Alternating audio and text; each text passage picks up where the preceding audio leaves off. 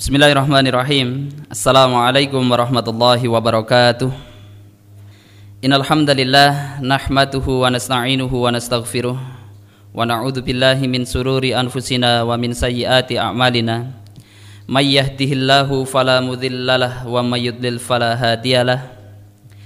Ashhadu an la ilaha illallah wahdahu la syarikalah wa asyhadu anna Muhammadan abduhu wa rasuluh. Allahumma salli wa sallim wa barik ala hadan nabiyil karim an nabiyil ummiyil mustafa sallallahu alaihi wasallam Qala Allah ta'ala A'udzu billahi minasy syaithanir rajim.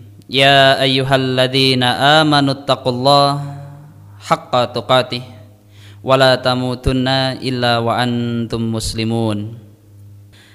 Wa qala aidan Ya ayyuhalladzina amanu kutiba alaikumus siyam kama kutiba alal ladzina min qablikum la'allakum tattaqun.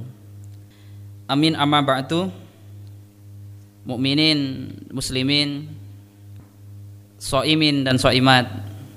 Semuanya kaum muslimin yang dirahmati Allah Subhanahu wa taala. Alhamdulillahirabbil alamin. Kita bersyukur kepada Allah Subhanahu wa taala atas limpahan nikmat dan karunia-Nya yang tak terhingga jumlahnya.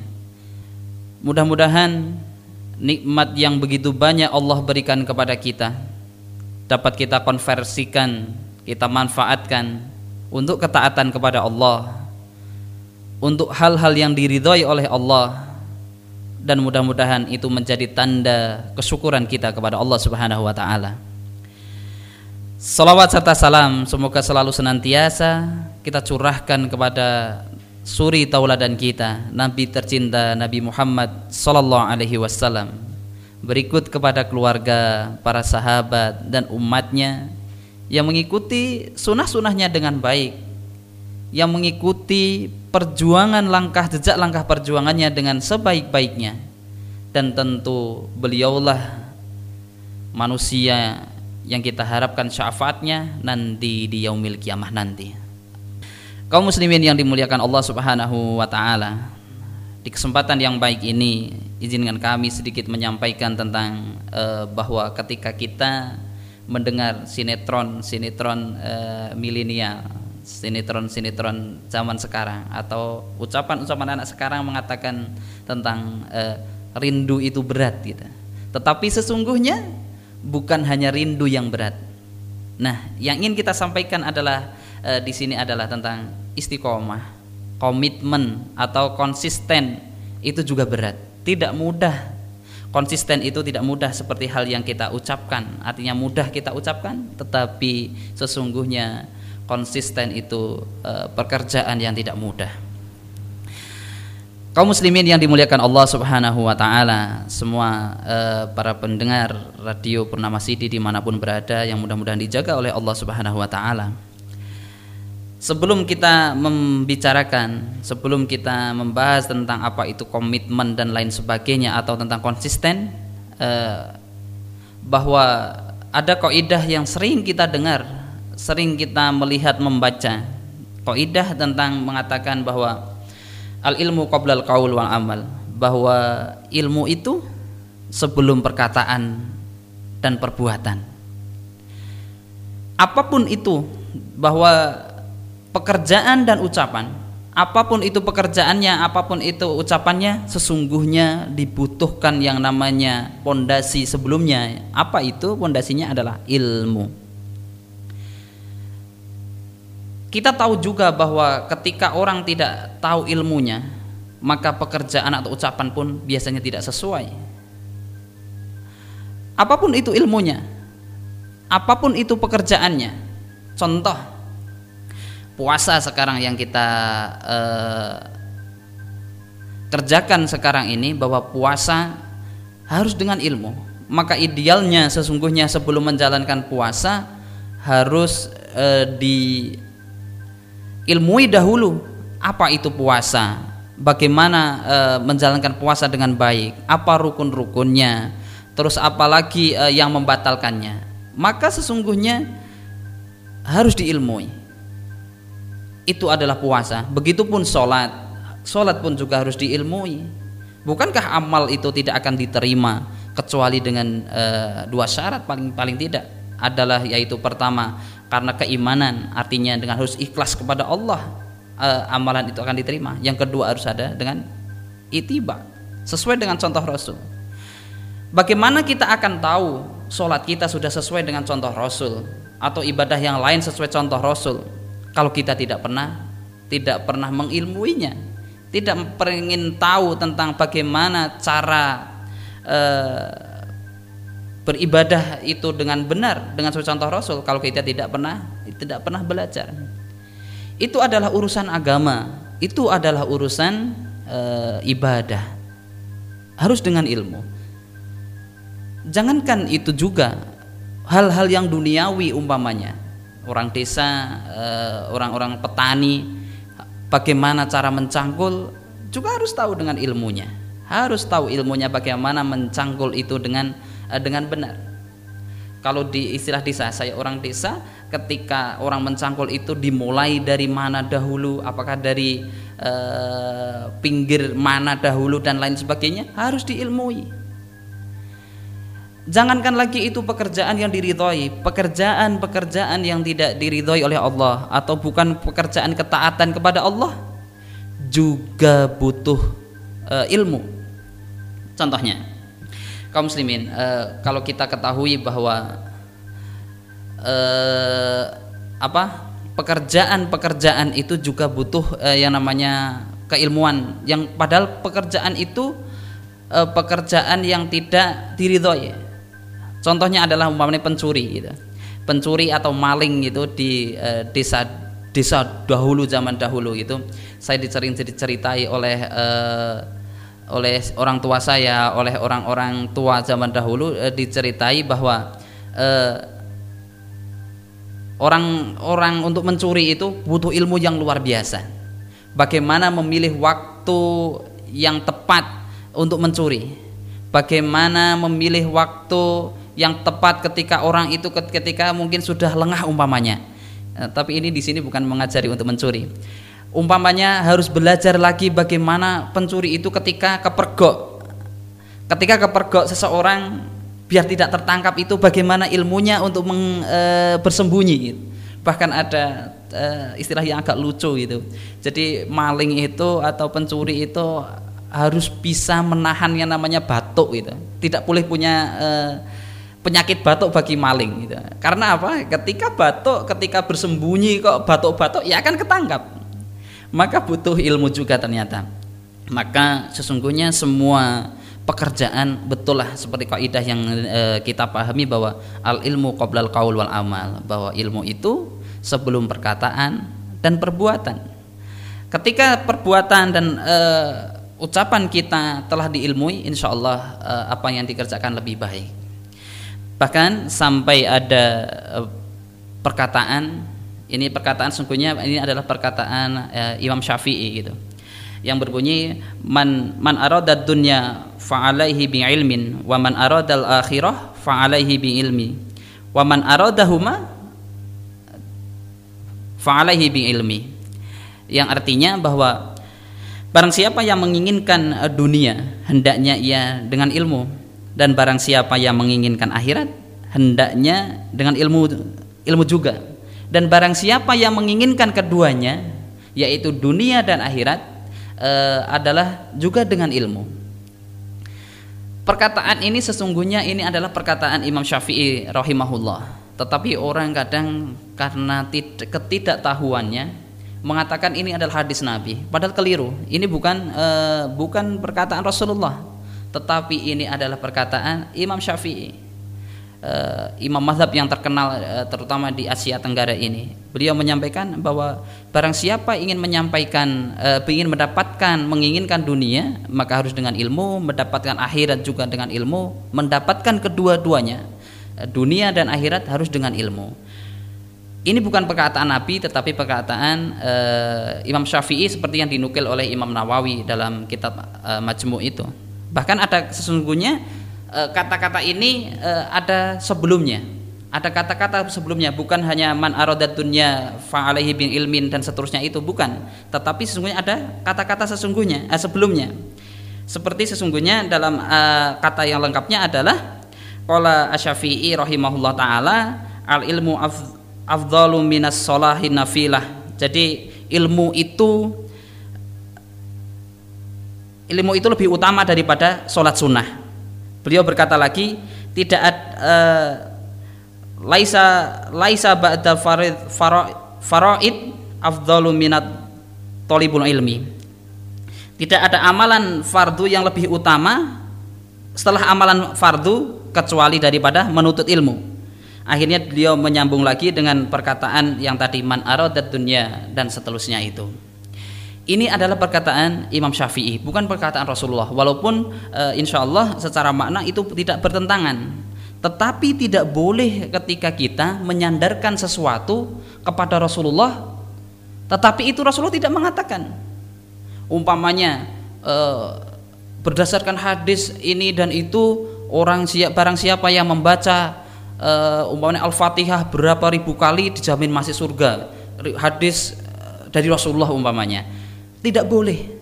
Kita tidak boleh ngarang e, walaupun itu maknanya mungkin benar tetapi kalau tidak secara hadis itu e, kita kenal bahwa secara persanatan itu tidak sesuai dengan kaidah persanatan, maka tidak boleh. Bahkan Rasulullah melarang mengancam barang siapa yang berbohong atau bersumpah atas nama Rasulullah akan disiapkan e, tempat duduk di di neraka nanti atau dari dari api neraka Jamaah kaum muslimin, kaum muslimin yang dimuliakan Allah Subhanahu wa taala, ancaman Rasulullah ini kepada siapa pun yang berdusta atas nama Nabi, maka nanti akan e, disiapkan atau menempati tempat duduk di neraka. Hadisnya juga sungguhnya sangat terkenal. Ini penting bagi kita. Hadis ini berawal dari tentang hadis yang sangat kita sering. Dan ini dijadikan hujah orang untuk menyampaikan e, dakwah dan lain sebagainya. Sehingga bisa hati-hati sesungguhnya. Hadisnya tentang apa? Yaitu tentang pelighu'anni walau ayah. Jadi tentang e, sampaikanlah walaupun hanya satu ayat. Hadis ini balighu'anni walau ayah ini sering orang mengatakan dakwah itu mudah dakwah itu gampang. Yang penting kita tahu satu ayat satu dua ayat kita sampaikan itu sudah menjadi dakwah kita. Di sisi satu sisi itu memang benar tetapi di sisi lain sesungguhnya harus hati-hati. Karena di kelanjutan dari hadis ini eh, bahwa sampaikanlah sekalipun walau hanya satu ayat dan ceritakanlah apa yang kalian dengar dari Bani Israel dan itu tidak ada ada tidak ada dosa dan siapa yang berdusta atas namaku dengan sengaja maka bersiap-siaplah mereka menempati tempat duduknya di neraka. Hadis ini sahih, sahih Bukhari eh, di nomor 3202. Hadis ini diawali dengan balighu anni walau ayah, sampaikan walaupun hanya satu ayat. Tetapi ayat ini sering digunakan orang untuk memudahkan berdakwah atau menggampangkan sepenting punya ilmu, uh, sepenting uh, sepenting sepenting dan lain sebagainya. Tetapi ketika hanya satu ilmu tanpa tahu dasar, tanpa ilmuwan yang lebih, bisa jadi yang kita sampaikan itu justru memasuki memasuk pada yang poin terakhir akan menjadikan kita terancam dari api neraka. Karena apa? Karena hanya waton satu ilmu kita mengatakan hadis ini dan itu kita bersumpah itu umpamanya saya bersumpah ini Rasulullah itu menyampaikan seperti ini gitu. padahal tidak maka justru kita akan terkena imbasnya. Apa itu imbasnya? Justru kita akan dikatakan bersumpah atas nama Rasulullah padahal itu tidak dan kita akan disiapkan tempat duduk dari api neraka.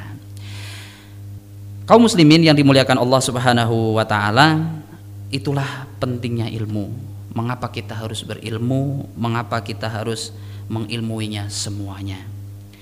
Kembali kepada masalah umpamanya tentang pentingnya ilmu, kembali kepada saya analogikan itu pekerjaan yang tidak dituai adalah maling gitu. Kembali saya cerita ketika dulu saya cerita eh, kita diceritai bahwa maling itu itu ketika harus bersembunyi di desa, di hutan, di kebun itu ketika keberuntak akhirnya berlari ke sembunyi dan dicari oleh masyarakat banyak itu ternyata tantangannya luar biasa. Tantangannya berat. Umpamanya gitu, saya sering ceritai ada suatu ketika ini yang cerita adalah justru e, mantan maling sendiri. Dia menceritakan ketika dia harus dikejar musuh, harus dia bersembunyi di semak belukar. Bahkan ketika di semak itu dia digigiti oleh apa namanya semut. Kalau di desa itu ada istilahnya namanya semut geni gitu semut. Kalau menggigit itu jadi panas sekali. Maka maling itu harus bagaimana bertahan agar menahan sakitnya itu agar tidak ketahuan.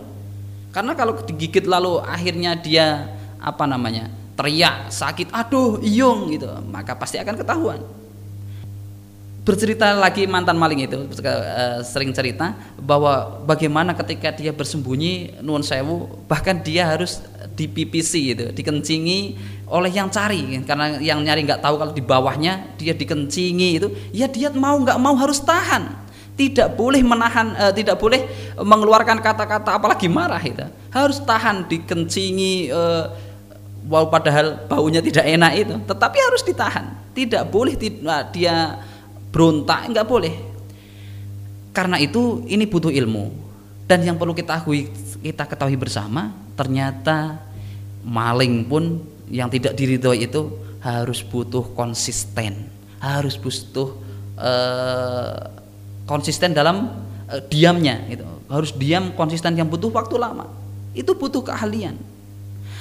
Itu pekerjaan yang tidak diridhoi oleh Allah Subhanahu wa taala kaum muslimin. Apalagi amalan-amalan, pekerjaan-pekerjaan yang diridhoi Allah, maka harus juga dengan komitmen, harus dengan konsisten, harus dengan uh, mungkin lebih uh, tingginya lagi harus dengan istiqomah.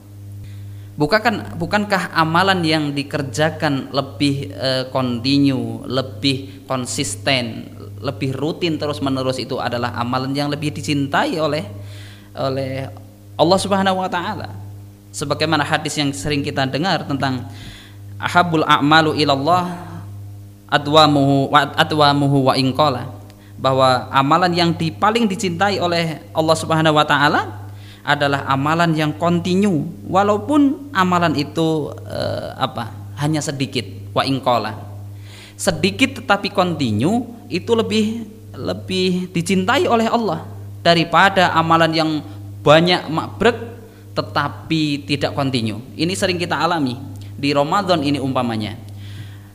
eh, awal-awal Ramadan umpamanya orang deres, orang tadarus dengan banyak ayat, banyak lembar, tetapi itu hanya di satu minggu pertama, minggu pertengahan hilang, berkurang, berkurang dan di akhir Ramadan hilang Begitupun dengan sholat tarawih, tapi alham, eh, bukan alhamdulillah, qadarullah eh, Ramadan ini kita tidak jamaah di masjid, eh, jamaah di musola karena memang himbauan dari pemerintah, MUI dan ormas keislaman memang menghimbau agar ibadah sholat tarawih itu di rumah sendiri-sendiri bersama keluarga.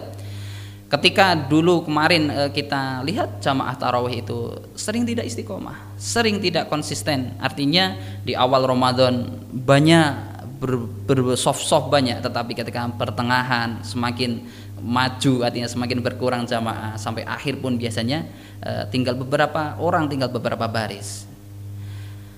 Maka butuh konsisten butuh butuh istiqomah dalam beramal. Agar apa? Amalan itu dicintai oleh Allah Subhanahu wa taala. Membaca Al-Qur'an seperti itu sholat tarawih seperti itu amal tiap hari umpamanya harus bersedekah pun harus seperti itu.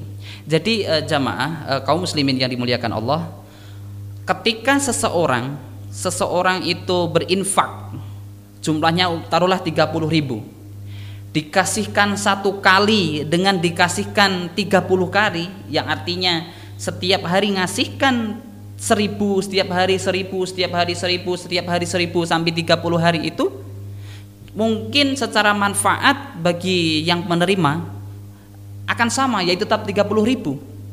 Akan tetapi kaum muslimin secara uh, makna yang lain sesungguhnya berbeda. Kalau kita kembalikan uh, orang yang beramal lebih kontinu lebih konsisten setiap hari uh, maka secara makna yang lain akan beda. Paling tidak begini kaum muslimin yang dimuliakan Allah. Ketika seseorang beramal umpamanya 30 ribu dikasihkan setiap hari atau bahkan keutamanya adalah di pagi hari. Di pagi hari dikasihkan e, seribu nanti hari kedua seribu hari ketiga seribu seterusnya sampai ke tiga puluh. Maka akan berbeda sesungguhnya. Karena apa? Kalau kita pernah membaca hadis yang diriwayatkan dari Abu Hurairah bahwa setiap pagi itu malaikat turun ke bumi dan mereka berdoa eh, tidak para tidaklah para hamba yang berada di pagi hari melainkan pada pagi itu terdapat dua malaikat yang turun. Jadi malaikat ada dua yang malaikat yang turun. Malaikat itu berdoa. Yang satu berdoa Allahumma a'ti munfikon khalafan. Ya Allah, berikanlah ganti kepada orang yang berinfak. Sedangkan malaikat yang satu berdoa, Allahumma a'ti mumsikan talafan.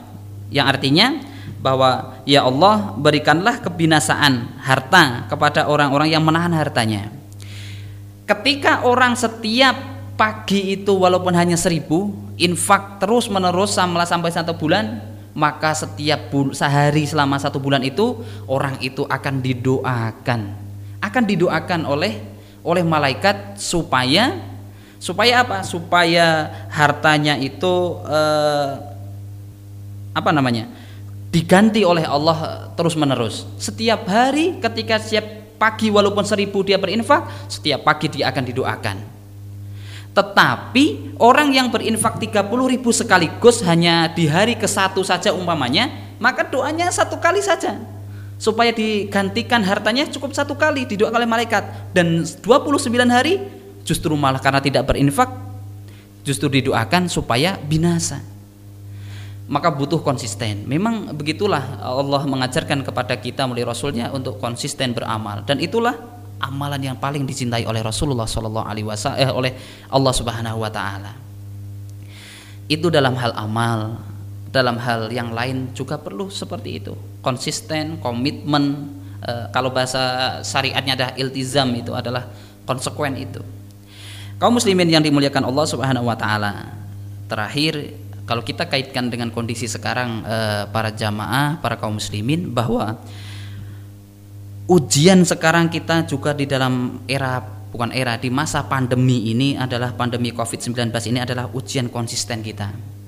Kita diuji bagaimana konsistennya memakai masker umpamanya. Kita diuji bagaimana komitmennya e, menjaga jarak atau social distancing umpamanya.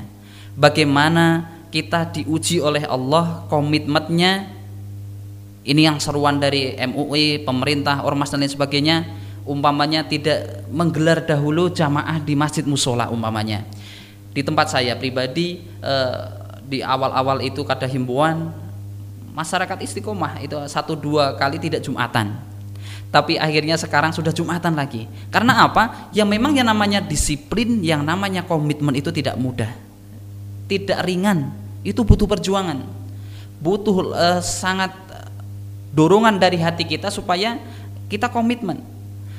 Memakai masker saja kadang-kadang kita masih eh, luar biasa. Di Wonosobo kalau kemarin kita saya menyaksikan video-video di eh, yang disebarkan oleh eh, SAR itu bagaimana dia mengedukasi di pasar umpamanya orang itu begitu tanda kutip ya bahasa kasar pun dableknya tidak mau pakai pakai masker dan lain sebagainya Padahal ketika mereka dilarang gitu, mereka dilarang untuk keluar rumah, mereka mengatakan e, ini adalah tuntutan perut, ini masalah pekerjaan gitu. Ketika pemerintah tanda kutip memahami itu, harus dipahami bahwa mereka memang kebutuhan, tetapi disuruh disiplin memakai masker, harus menjaga jarak dan lain sebagainya. Ternyata mereka tidak patuh. Tentu ini tidak semua orang di pasar, tidak semua orang di keramaian publik, tetapi ini adalah oknum-oknum yang tanda kutip dablek seperti itu. Inilah yang menjadi eh, PR bagi kita di masa yang seperti ini, di masa COVID ini e, luar biasa. Diuji komitmen kita, kedisiplinan kita betul-betul diuji. Cobalah perhatikan, cobalah sedikit merenung bagaimana sulitnya, bagaimana luar biasa susahnya disiplinnya para perawat yang merawat pasien-pasien COVID. Kebetulan eh, saya eh, bekerja di rumah sakit walaupun juga tidak diperawat, tetapi kemarin kami simulasi, simulasi penanganan jenazah COVID. Ketika jenazah COVID maka harus dengan APD yang lengkap itu dengan uh, pakai penutup muka, pakai semacam jas hujan itu tapi dari hazmat itu tidak lama uh, jamaah. Tidak lama, padahal perawat itu sampai 6 4 jam kadang-kadang di dalam ruangan memakai itu. Bagaimana perasaannya? Dia menahan pipis, menahan makan, minum dan lain sebagainya. Saya simulasi penanganan jenazah itu cuma sekitar satu setengah jam atau satu jam. Luar biasa, baju saya yang di dalam basah semua, kemeringat semua, karena begitu sumpek panas. Maka dari itu kita diuji komitmen kita untuk terus menjaga jarak, pakai masker, tetap uh, konsisten cuci tangan terus menerus. Kita sedang diuji. Mudah-mudahan kita lulus dalam uh, diuji oleh Allah ini dan tentu kita berdoa bahwa kita memang harus uh, ikhtiar iya.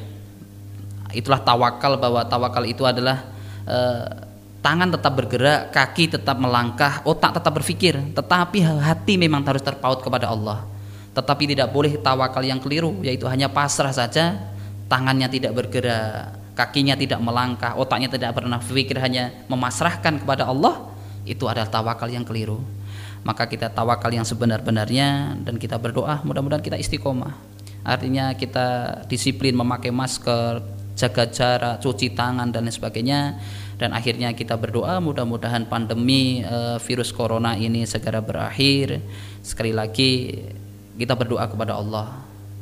Ketika solusi langit itu e, belum kita ketuk atau solusi dunia kita hampir katakan tidak ada, belum menemukan hasil yang jelas, yang tepat, kita yakinlah solusi langit pasti akan memecahkannya.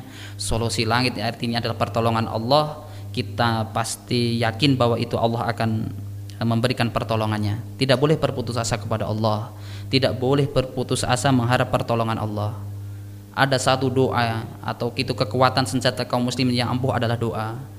Di mana pun keadaan sulitnya kita harus berdoa. Salah satu doa adalah yang diriwayatkan oleh Imam Ibnu Hibban dari sahabat uh, Abu Hurairah uh, beliau menyampaikan Rasulullah mengatakan ketika dalam keadaan sulit doalah Allahumma la sahla illa ma ja'altahu sahla wa anta taj'alul hasna idza syi'ta sahla ya Allah tidak ada kemudahan kecuali apa yang engkau jadikan mudah sedangkan kesulitan dapat engkau jadikan mudah bila engkau kehendaki Mudah-mudahan Allah menghendaki kemudahan untuk kita semua. Para pejuang medis juga diberikan kekuatan. Kita yang berhadapan di masyarakat juga disiplin sesuai himbauan pemerintah.